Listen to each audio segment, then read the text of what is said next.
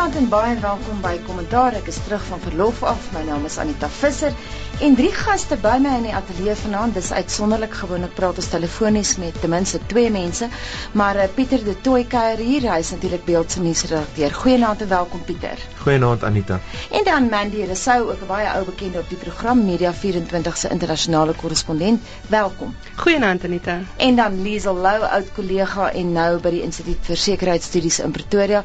Liesel, baie welkom. Nanda Anita, Nanda aan die luisteraars. Pieter, kom ons kyk gou-gou na die stories van die week. Baie nuus stories die week. Dis 'n vol nuuslys Anita en ek dink kom ons noem sommer eers sekerlik die die grootste politieke storie van die jong jaar tot dusver, die ANC se appelkomitee wat die skuldigbevindings van die omstrede jeugleier Julius Malema en van sy makkers gehandhaaf het. Ehm um, dan sien ons toenemend berigte oor die ANC se verslag na my nasionalisering uh vandag in die Sondagkoerant het daar meer uitgelek. Uh ons sal weer daaroor kan gesels. Ook uh in die week wat verby is, het die Persvryheidskommissie wat deur die Persraad op die been gebring is onder leiding van oud hoofregter Pius Langa openbare sittings gehad en die ANC het sterk daar uitgekom dat hy 'n vrye pers voorstaan maar steeds wil hê die pers moet aan die parlement verslag doen ek is seker dit sal tot ewige debat lei. Hmm. Daar was ook openbare sittings uh in die Wes en Oos-Kaap wat die ad hoc komitee wat die inligtingwet oorweeg gehou het. Verskillende sienings of uh die publiek die wetgewing steun al dan nie. 'n uh, Redelike ontstellende berig Vrydag in die Mail and Guardian wat skryf oor uh, voorgenome intelligensiewetgewing wat toenemend magte aan die intelligensiegemeenskap gaan gee.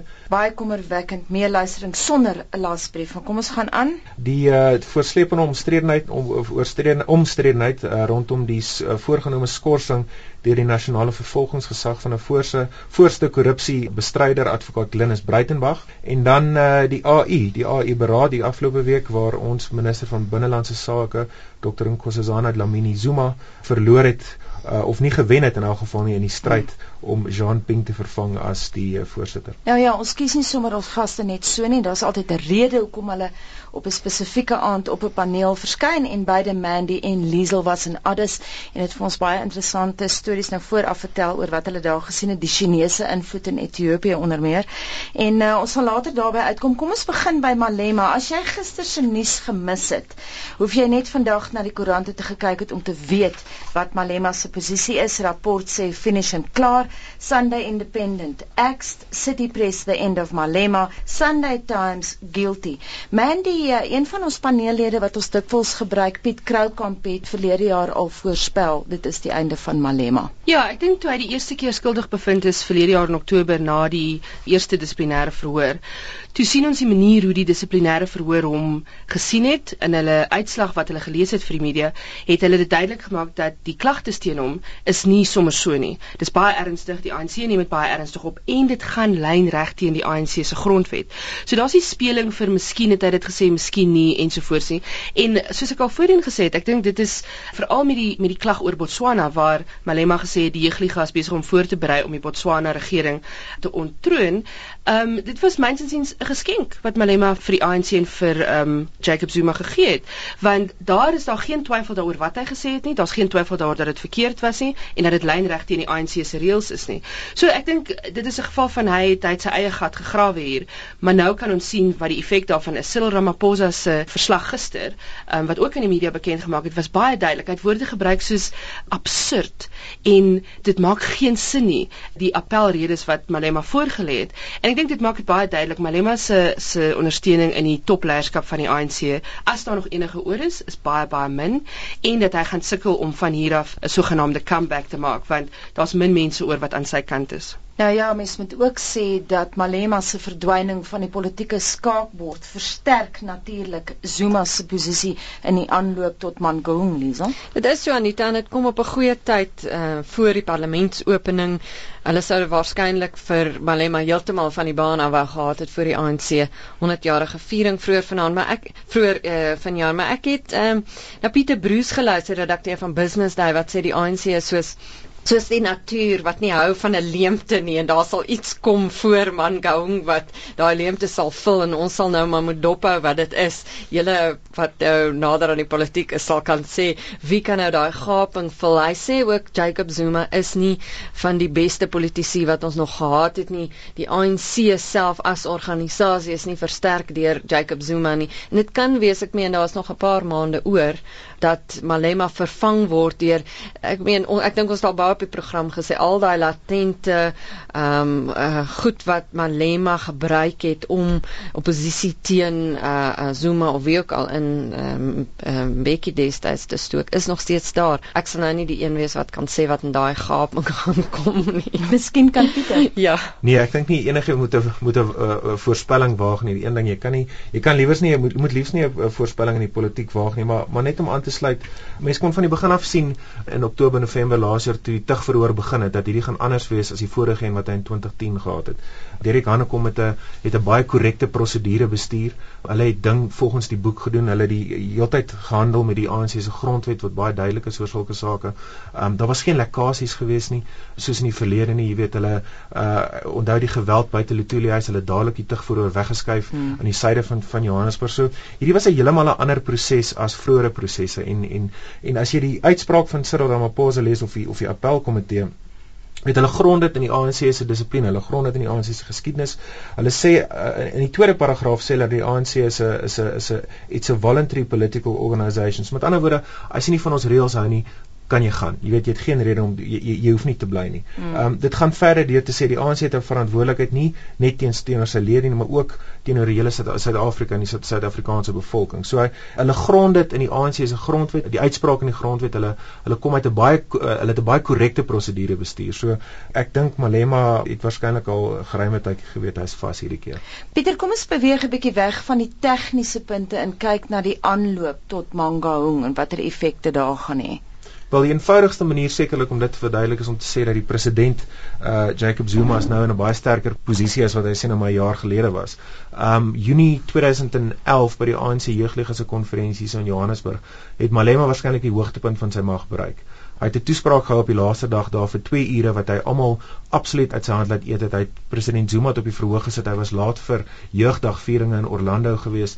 Hy het die verkiesing so gemanipuleer dat dit hy en sy topleierskap is wat verkies is en hy het baie wilde uitsprake gemaak. Nou net daarna is die het hy die perskonferensie gehou wat hy hierdie uitspraak oor Botswana gemaak het wat aanleiding gegee het tot uh, hierdie tugprosedure. So, ehm um, hy was die gesig gewees van diegene wat ongelukkig is met president Zuma. Limpopo was die basis gewees. Toe het hy bietjie die bus uit begin val. Jy weet, die tugprosedure uitgekom. Ehm um, uh die Limpopo se regering is onlangs onder administrasie geplaas. Mm. Ons uh, ons weet dat premier Kessel Matale sy vernaamste bondgenoot is in die moeilikheid. Ehm um, so president Jacob Zuma is beslis in die sterkste posisie wat hy die afgelope ruk was. En uh dit sal broekskeer gaan vir vir groepe soos uh, Fikile en Bolula om nou uh hulle hulle hulle self opgelegde missie om vir Gwedi Mantashe uit die kussings uit te lig deur te voer. So ek sou sê die belangrikste punt is dat Zuma is in 'n sterker posisie. Ek wil vir 'n oomblik by jou bly en dan gaan na Mandy toe, maar die Sunday Independent skryf vandag in 'n hoofartikel dat dit nou tyd is vir die ANC om van ander in die koerant gebruik die woord rogues in die regerende party ontslae te raak. Stem jy saam? Verseker en ek en ek dink wat gister so opvallend was van uh van Cyril Ramaphosa wat voorsitter van die appelkomitee is en die mense wat saam met hom gesit het uh, uh Trevor Manuel uh mense soos daai uh, uh jy weet is is dis die ANC wat kon gewees het of wat kan wees jy weet ek dink daar's ek dink nie daar's veel meer ANC politici uh as Cyril Ramaphosa nou soos Trevor Manuel wat wat die gravitas het om die ANC die eerbare organisasie te hou soos wat hy in die verlede was nie. Of daardie politieke wil is om te doen is is 'n ander vraag um, en en en en hoe polities skadelik dit sal wees om agter ander afvalliges te gaan is 'n oop vraag. Gaan dit vanaand die laaste keer wees dat Malema se naam op die program genoem word Mandy? Kyk, mense soos Pieter sê mense moet nooit ehm um, hierdie tipe goed waag in politiek nie, maar ek dink dat ehm um, Malema gaan aanhou probeer om Zuma op elke manier te saboteer wat hy kan, maar ek kan nie sien hoe hy dit met sukses gaan doen nie. Ehm um, so ons ons sal dalk hier en daar weer van hom hoor, maar ek dink nie in die mate waartoe ons ons stand doen nie, tans doen nie. Ehm um, net rondom die kwessie van Ramaphosa wat gesê het, jy weet, ons moet ander rogue elements probeer uit uitwis. Jy sien, dis baie moeilik nou in die ANC want wie is hierdie rogue elements nou? As jy gaan kyk na die reëls van die ANC en jy gaan kyk na mense wat die reëls oortree het, dan moet 'n mens heel bo begin met Jacob Zuma. Hoeveel keer moes hy al verskoning vra vir goed wat hy gesê het gedoen het? Dan as jy nou 'n bietjie verder wil gaan, Matthew Sposa wat ehm um, onlangs in Limpopo gesê het Julius moenie worry nie, hy sal na hom kyk en die ANC sal na hom kyk ensovoorts. Hy het heeltemal buite orde gepraat. En so gaan dit aan, jy weet, so dis baie moeilik om daai tipe ehm um, heksejag nou te begin want jy gaan heel bo moet begin. En ek dink dat die ANC sou eerder hierdie geleentheid hierdie jaar wou gebruik om te jy weet om te verenig om bymekaar te kom om seker te maak hoe is nie so slagting soos wat Polokwane was nie. Maar die feit dat daar's baie mense binne die ANC wat voel Malema word onregverdig behandel hy word uitgesonder terwyl daar ander mense soos wat ek pas genoem het wat ook voor 'n dissiplinêre komitee behoort te dien. So ek dink dat dit gaan definitief baie um, probleme vir vir Zuma veroorsaak vorentoe maar myns insiens is die enigste ding wat Jacob Zuma gaan weghou van 'n presidentskap in Mangaung is um een of ander groot skandaal wat hierdie jaar gaan losbars teenoor hom. Daar word al redelik daar gepraat in die media. Um jy weet, sy daar's mense wat sy die trekkers is, sy vyande is mm. wat reeds vir ons stories vertel oor sekere goed en jy weet ons sê, kyk, bring vir ons die bewyse en ons kyk daarna, maar ons kan nie net gaan op jy weet twee bronne wat vir ons dieselfde ding sê nie. En jy weet, dis goed so seksskandale, finansiële skandale, jy weet daai tipe ding. En dan natuurlik is daar ook 'n hoop by Zuma se vyande dat die ondersoek na die ehm um, na die arms deal waarskynlik ook miskien iets hmm. teen hom sal uitbring. So ek dink dit is wat gaan gaan maak hoe ons dinge gaan sien in Mangaung. Maar op hierdie stadium lyk hy redelik sterk en as ons môre moet konferensie toe gaan, sou hy dit kry. Media regulering was uh, in die kollig hierdie week gewees met die persvryheidskommissie in Johannesburg en uh, baie hoofartikels daaroor M&G Mail and Guardian skryf worthy of attention was the starkly divergent contributions en dan verwys hulle na Jessie Duarte aan die een kant en uh, natuurlik mense soos die baie gerespekteerde Pansy Tlakula aan die ander kant Liesel. Ja, absoluut. Pansy Tlakula wat persvryheid reg oor Afrika bestudeer en vir die AU um, ehm, verslag doen daaroor um, wat al baie in die verlede gesê het hierdie nuwe wetgewing en die stappe wat die ANC probeer doen uh, doen Suid-Afrika alreeds ons reputasie in in die wêreld en in Afrika baie skade aan doen. Jessie Duarte met haar bitter tong wat ek geluister het praat oor die uh oor oor hoe dat die media onverantwoordelik is in in Suid-Afrika. Dit is ook waarskynlik die eerste keer dat sy dit sê nie. Dit is natuurlik baie kommerwekkend uh en dit soos jy soos ek dink Pieter gesê het, hierdie hele tendens om te probeer inligting te onderdruk. Ek meen die die tegniese um maniere hoe dat die ANC die media kwessie probeer hanteer, stap nou al 'n lang pad. Dit volg alles daai een lyn van goed. Ehm um, hoe gaan ons verhoed dat daai skandale waarvan Mandy nou net gepraat het uitkom. Die kwessie van 'n media tribunaal is iets wat media appel tri tribunaal is iets wat op hierdie ehm um, vergaderings van PS Langa ehm um, hierdie laaste paar weke wat hy nou reg oor die land en so aan het weer en weer ehm um, uitkom en die media is daarteen gekant. Kom ons gaan na jou te Pieter. Ja, dit is my baie interessant dat die ANC se voorlegging hierdie week deur 'n baie aanvallige Jessie Duarte uit soos maar soos soos ons haar onthou as ANC woordvoerder. Ek moet jy sê aanvallende. Sy sê ja. Jy weet hoe hulle hoe, hoe hulle die ANC se posisie uiteengesit en gesê het jy weet hulle hulle die, dit dis danksy die ANC dat ons 'n vrye media het. Ek bedoel is altyd hulle vertrekpunt, weet jy. Mm. Hulle het dit vir ons gebring. Net soos 'n uh, uh, Pelle Jordan wat by die ANC se hoofraadsvergadering in Durban in 2010 gesê het wees, dis danksy die ANC dat ons kan Facebook. Ehm um, so ons, ons ons moet dit ook in in gedagte hou. Hoe dit ook al sê die, die ANC hulle hulle vertrekpunt gegrond en sê hulle het vir ons persvryheid gebring. So ons kan hoegenaamd nie sê dat hulle is teen persvryheid nie. Hulle staan op hmm. vrye media voor. Ehm um, maar hulle wil hierdie media moet aan die parlement verslag doen. Nou hoe doen jy aan die parlement verslag? Jy doen aan die parlement verslag deur 'n liggaam te stig, um deur middel van wetgewing, um en die liggaam moet dan een of ander bedryf reguleer en verslag doen aan die parlement. Dit kom neer op statutêre wetgewing. Nou hoe die ANC kan sê, weet hulle voorsien die statutêre regulering van die media as die media aan die parlement moet verslag doen nie, gaan nie verstand te bowe want as jy eers gaan moet verslag doen oor nuusmakers en hulle reguleer jou, is ons op pad suid. Man and Guardian het ook vir um, vir Jessie Duarte gekap en gesê dat haar argumente was ongefundeerd en dit gekontrasteer met die argumente van Tuli Maronsela. Ek sien nou uh, jy knik jou kop, Liesel. Hmm. Ja, absoluut. Ehm um, ek meen ek ek stem heeltemal met Pieter saam. Ek dink ehm um, jy weet uh, Tudi Madonsela is 'n is 'n toonbeeld van onafhanklikheid. Sy praat nou van die ombudsman en die rol van die persombudsman wat miskien nie sterk genoeg was Joe Klolwe wat nou die ehm um, uh, ombudsman is huidigelik. Ehm um, moes miskien meer in die in die ehm um, kollig gewees het. Soos wat Tudi Madonsela sy het vir haarself deur haar persoonlikheid en haarself bemark so 'n sterk rol en 'n en 'n 'n identiteit geskep dat dit baie moeilik is om vir mense om haar, jy weet, soms so in die stilligheid te onderdruk. Die persombudsman wat aangestel word deur die uh deur die uh, media base en die media huise um wat uh, selfregulerende onafhanklike stem behoort te wees in die media moet 'n baie sterker rol hê. En ek dink um as dit gebeur dan sal die geloofwaardigheid van die ombudsman ook daartoe bydra dat mense sien goed die media is eerlik daaroor. Ek uh, om homself te reguleer. Ek sien daar's daar's sprake ook van in die gedrukte media want dit is ek dink die groot probleem wat ehm um, die ANC het met die media. Moet daar ehm um, ook regulering wees wat as jy 'n groot voorblad storie met 'n groot kop op die voorblad het wat iemand beswadder, mm. daar word dan bevind dat jy moet verskoning vra, jy het 'n fout ge, uh, gedoen, mm. moet dit in dieselfde groot letters mm -hmm. op die voorblad wees, want ek dink selfs die publiek is regverdig. Mm. Ek dink daar's daar's selfs lede van die publiek wat voel maar die maar die media is nie eerlik want hulle sê goed, maar ons gaan verskoning vra nie. Mm. So die rol van die ombudsman, daar's daai tegniese punte en ek dink uh, die ehm um, media self en die gedrukte media luister luister eerlik na hierdie opinies en daar is 'n willigheid om te sê goed, ons is bereid om 'n stapie verder te gaan. Interessant ook Mandy dat uh, Jackson Tembo baie te sê gehad het, ook gegeewe sy relletjie met die media. ja, ek dink dit is baie ironies dat Jackson wat jy weet redelike goeie verhoudinge met meeste van ons het, mm. dat hy so sterk voel oor hierdie goed, maar ek dink ook jy weet in die ANC is dit moeilik om nou pro media te wees en jy moet nogal redelik 'n sterk persoonlikheid en 'n sterk politieke agtergrond hê om te sê luister ouens, miskien is julle te hard op die media in hierdie stadium. So ek dink dit is kom jy weet, hy gaan maar met met die ehm um, met die oorgrootste meerderheid se se standpunt. Maar net om vir jou 'n voorbeeld te gee van hoe ernstig ons in die gedrukte media die ombudsman opneem. Ehm um, my redakteur Ferro Effigy het eh, 'n uh, week terug het sy self na die ombud toe gegaan en gesê luister, daar's baie kritiek wat ons kry oor 'n storie wat ons gedoen het. Wat dink jy hiervan? En sy het sy um, antwoord net so gepubliseer.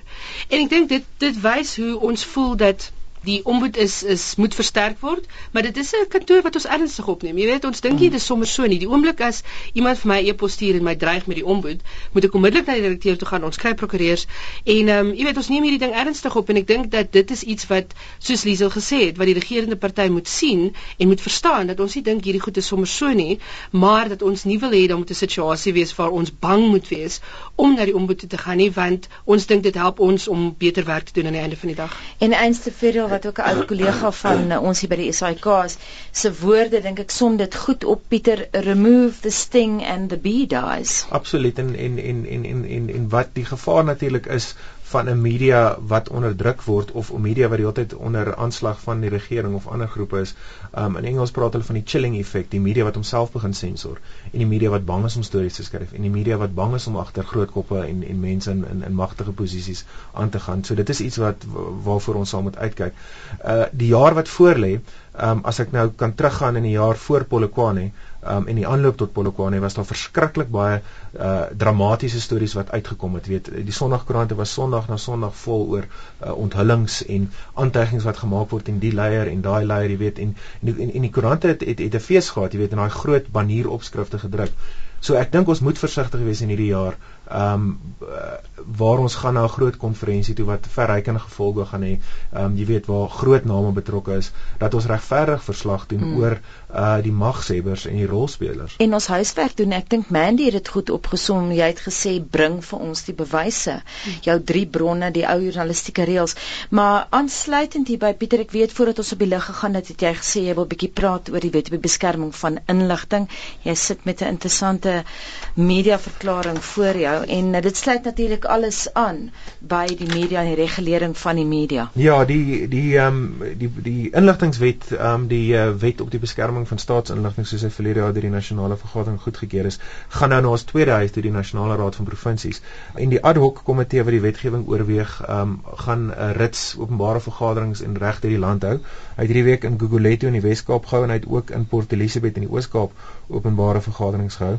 En volgens alle berigte, volgens ons kollegas vra was, volgens nuusberigte, volgens die radio, um was daar groot teenkanting teen die wet. In Gugulethu byvoorbeeld het ek dink 30 uh sprekers uit die gemeenskap uit geleentheid gekry om hulle opinie oor die wet te gee waarvan 22 teen die wet gekant was 22 uit 30 en steeds sal die parlementêre voorsitter van die komitee Raseriti Taal 'n verklaring uitreik wat sê people unanimously accepted the bill with recommendations dis mos 'n absolute leuen. Mm. Um jy weet so so hier weer is 'n is 'n proses wat ooglopend gemanipuleer word en 'n proses wat volgens die media verrykende of wetgewing wat volgens die media verrykende gevolge vir vir sy funksionering kan hê maar die regerende party is besig om sy gewig te gebruik om ook hierdie proses eenvoudig deur te stoot en en in die lig van wat die ANC hierdie week gesê het, wat Jessie Duarte gesê het oor 'n vrye pers, maar wat tog aan die parlement verslag doen, is dit beslis iets om dop te en en en, en oor bekommerd te wees. Mandy luister nou baie aandagtig na. Ja, weet jy, ek het 'n lang gesprek gehad met 'n uh, met 'n senior persoon in intelligensie om vir my te verduidelik hoe hoe pas al hierdie goed in mekaar en how do you connect the dots.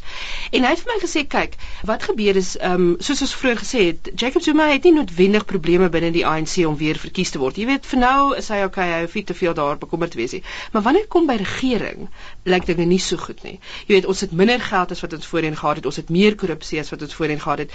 En ek dink dat ehm um, daai druk is wat al hierdie goed voorop staan. Dit is ehm um, 'n manier vir soos hy dit vir my verduidelik het, die oomblik as jy begin um onder druk voel, dan begin jy nader en nader aan jouself kom en jy probeer om so so klein as moontlik groepie mense te hê wat toegang tot inligting het, wat dinge kan sê en doen en jy moet hulle almal kan beheer en dit is presies wat Jacob Zuma besig is om te doen nou. Want met mense soos Tuli Madonsela en so aan raak dit al moeiliker om jy weet dinge net uit die pad uit te stoot. As dit nie vir Tuli Madonsela was nie, het ons nog steeds vir Sicelo se checker gehad. Hmm. So, ehm um, dit raak al hoe moeiliker en wat hierdie ou verduidelik het is dat wat Zuma probeer doen is om so ver as moontlik inligting te beperk en homself soort van aan die hoof van dit alles te sit sodat hy dit uh, daaroor beheer kan uitoefen.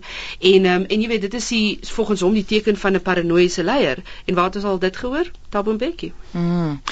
Beeld het jy se die week geskryf Liesel dat die ANC is behep om alles te beheer en ons weet dat Business Day al seker die afgelope 2 en 'n half jaar skryf oor die toenemende zoomafisering van die samelewing. Ja, dit is interessant. Ehm um, Anita, die fase waarin Suid-Afrika nou beweeg. Jy weet, ehm um, as 'n mens kyk na ander post uh koloniale uh, regerings, het hulle basies die streng ehm um, uh inligtingwette en mediawette en so aan van die voormalige regimes net so oorgeneem en die bevrydingsbeweging het dit gebruik om in bewind te hou. Suid-Afrika het nie na na apartheid was daar hierdie wel was dit 'n skyn soort van van demokrasie en openheid, oop debat, nie baie streng polisieering nie. Daar was 'n algemene gevoel in die samelewing ons moet wegbeweeg van 'n polisiestaat.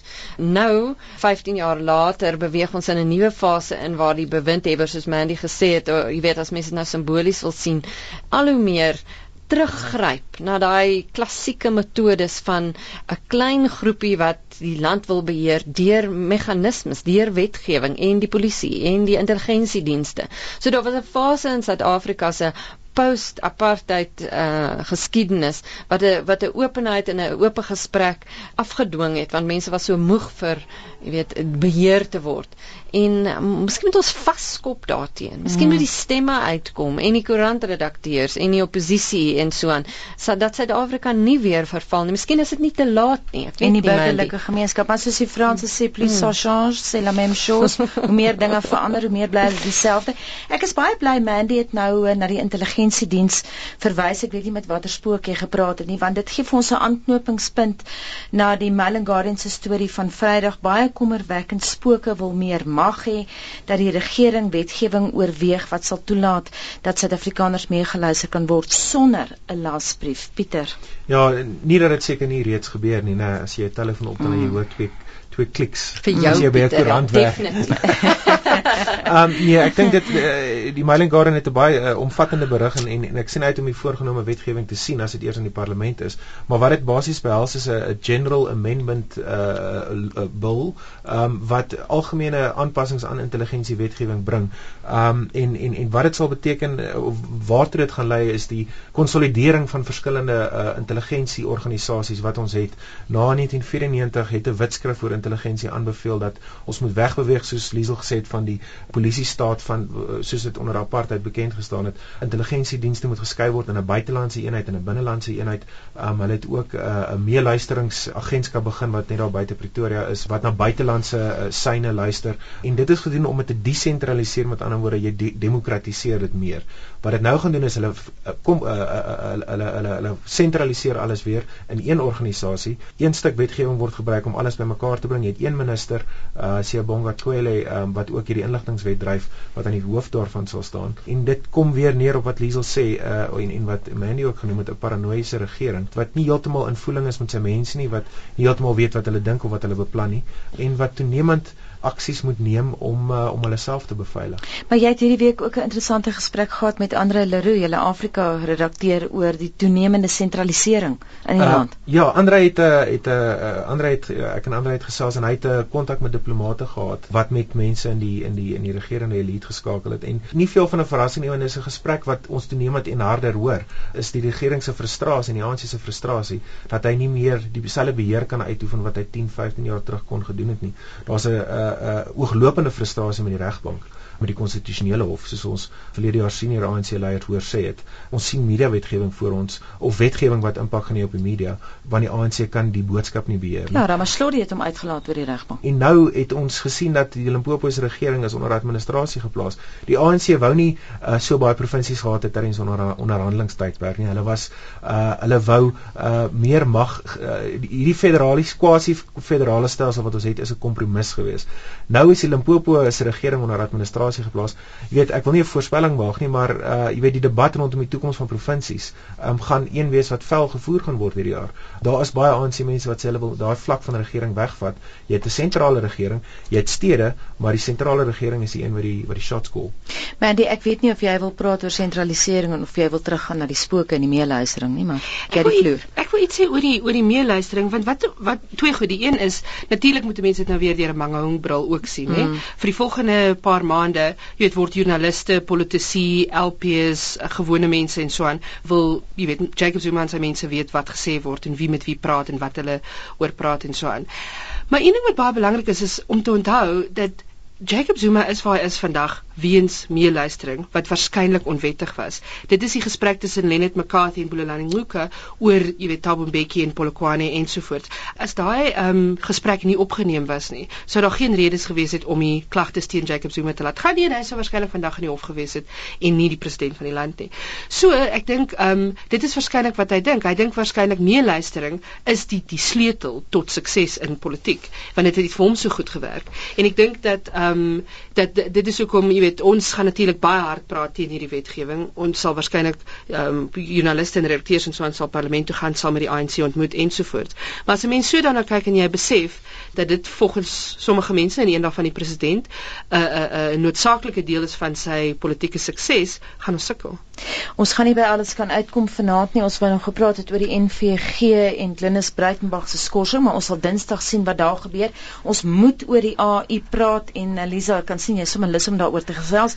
Salpa in die Sunday Times het geskryf dat die uh, eh, AI verkiesing die foutlyne op die kontinent duidelik uitgewys het, iets wat jou baas Jakkie uh, Celie ook gesê. Absoluut Anita, ek dink wat ons in die eerste plek kan sê is dat vir die eerste keer is daar groot fokus en belangstelling op in, in die AI kommissie. Wen in Suid-Afrika die media tot dusver nog heeltemal geïgnoreer hoe die strukture werk, wat is die voorsitters van die AI kommissie en en en ek dink vorentoe gaan dit nou 'n groot strydpunt word want die die die pos waarvoor Dlamini en Nkosazana Dlamini Zuma en Jean Ping nou geveg het hierdie laaste paar dae wat nie een as 'n wenner weggestap het nie. Jean Ping is nou vir 6 maande tydelik weer in sy pos en dan gaan daar nog 'n verkiesing wees in 'n long way einde Junie. Ehm um, hierdie pos is amper soos die eers, uh, eerste minister uh, wat die regering moet die die Afrika se regering moet bestuur. Dis baie meer tegniese pos as wat die president van die die roterende presidentskap van die Afrika Unie kies hulle elke jaar 'n ander land se se president. Nou hierdie is dit is 'n pos wat Nkosazana Dlamini Zuma uitstekend sou kon gedoen het. Ongelukkig kom sy van Suid-Afrika af en Suid-Afrika se 'n uh, uh, veldtog om haar gekies te kry, die feit dat sy so laat aangekondig is, die feit dat Suid-Afrika verlede jaar so baie baie omstrede buitelandse sake besluite gemaak het wat ander mense in die kontinent ongelukkig gemaak het, het alles teen haar getel. Maar ek is baie jammer dat sy verloor het omdat ek dink vir Afrika en vir die bestuur van 'n instelling wat ons soos ons nou hierdie week ba met baie mense gepraat het, 'n instelling wat byvoorbeeld net 50% van sy um, personeel uh, poste kon vul en daar is departemente binne die AI wat net 10% van sy um, begroting bestee. Mm. Die gemiddelde besteding vir die AI begroting 37%. Ehm um, so uh, mense is nou bekommerd omdat Gaddafi nie meer daar is nie, is daar nie meer geld vir die Afrika Unie nie, maar hulle moet mm. eers 'n huis in orde kry. Dlamini Zuma sou dit uitstekend kon gedoen het. Sunday Times praat vandag 'n bietjie oor uh, Frankryk se uh, se invloed en Frankryk kom onderskoot, maar dan ook uh, kommer oor China se invloed. Ek weet jy het 'n lekker anekdotale storie oor die Chinese en uh, wat met jou daar gebeur het wat jy gesien het. Dit was nog iets om te sien om Addis toe te gaan. Ek was 10 jaar laas daar en um, toe ek nou gaan toe was ek baie um, bly oor al die ontwikkeling wat daar plaasvind. Jy weet elke tweede straathoek het 'n nuwe hotel wat gebou word ensovoorts. Maar daar's oral baniere waar jy weet sê dit is gebou deur die regering van China. Dit is 'n teken van die vriendskap tussen die regering van China en die regering van Ethiopië en dan die AI hoofkwartier. In watter taal is dit nou geskryf? Dis in Engels en in Mandaryns. In in in Mandaryns. So jy sien oral Chinees. Oral Chinees. Ehm um, en dan natuurlik die AI se hoofkwartiere. Ek het vroeër ehm, 'n um, grap gemaak. Dit lyk soos 'n groot disco bal. Dit lyk nie soos 'n plek waar die kontinentale hoofkwartiere kan wees nie. Dit lyk soos 'n plek waar jy weet een of ander disco gehou word. Sê vir my wat die wat die atmosfeer betref.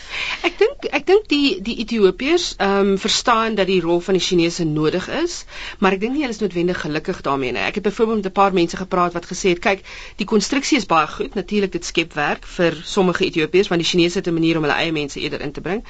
Ehm um, jy weet dit laat die stad beter lyk like, ensovoorts, maar hulle voel dat Ethiopiërs moet eerder fokus op uh, voedselsekuriteit hmm. en hulle moet eerder ehm um, investeer in in daai tipe areas as eerder as in konstruksie want hulle voel hulle het nie honderde hotelle nodig nie. Hulle het nodig om jy weet saad en en en goeder te kry om hulle om hulle lande te ploeg. So ek dink dat ehm um, Ethiopiërs op die grond is nie hulle gaan nie nou jy weet die Chinese probeer uitjaag of so iets soos in Zambië nie maar daar is 'n ongemak daarmee. En ek dink dat hulle verstaan die Chinese bring geld en en bring geleenthede maar dit is definitief nie 'n gemaklike verhouding nie nee.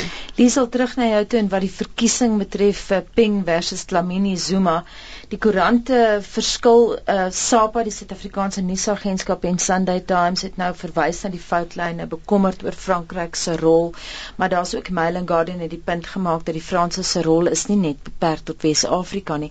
Maar City Press het vandag iets heel anders geskryf. Hulle sê wat in Addis gebeur het is 'n goeie ding. Addis is stalemate is a victory for democracy en dat die AU lof verdien vir die feit dat lande openlik met mekaar kan verskil. Waar lê jy in hierdie debat ja ek dink Anita, ons moenie vergeet Afrika is 54 lande nie, 53 van hulle wat kon stem nou tydens omdat Madagaskar nie kon stem nie. Ehm um, dis 'n kom, komplekse kontinent. Ek dink dis heeltemal uh om die debat 'n bietjie skeef te trek om te sê dit was net Suid-Afrika teen Frankryk en Franse invloed omdat een van die groot spelers in hierdie stemmery ehm um, vir die voorsitterskap was Nigerië. Nigerië het nie vir Suid-Afrika gestem nie. Ehm um, dis uh, Nigerië is, is die leierland in Wes-Afrika waar die meeste Franssprekende lande ook is. Kenia het nie vir ons gestem nie. Ethiopië, 'n swaargewig land in Afrika, nie vir ons gestem nie. So, dis baie meer kompleks. Ek stel, ek stem saam dat dit goed is dat daar 'n demokratiese debat wees.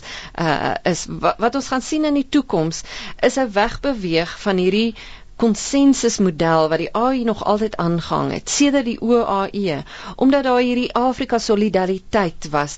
Staatsleiers het soort van in 'n donker hoekie gehuil nooit uh, gesê waar, waar hulle beklei nie en dan uitgekom met groot verklaringe wat nooit geïmplementeer word nie. En almal was soort van in die donker en om die waarheid te sê gewone mense het gedink kyk die AU doen niks nie. Hulle vat net geld en sit daar en praatjies maak. Maar wat nou gaan gebeur is gaan baie wees soos die uh, Verenigde Nasies se um, veiligheidsraad groot magte Nigerië, Suid-Afrika, die ander gaan met mekaar kop aan kop stamp en dit gaan interessant word. Ek dink AU politiek gaan nou vir die eerste keer vir ons almal interessant wees. Nou ja, oor 6 maande sal ons kyk wat daar gebeur. Die laaste woord vanaand aan Liesel Lou. Baie dankie. Plesier, naand Anita. Baie dankie aan Mandy Resou Media 24 se internasionale korrespondent. Goeienaand Anita. En baie dankie aan Pieter De Tooy, beeld se nuusredakteur in Johannesburg. Plesier Anita.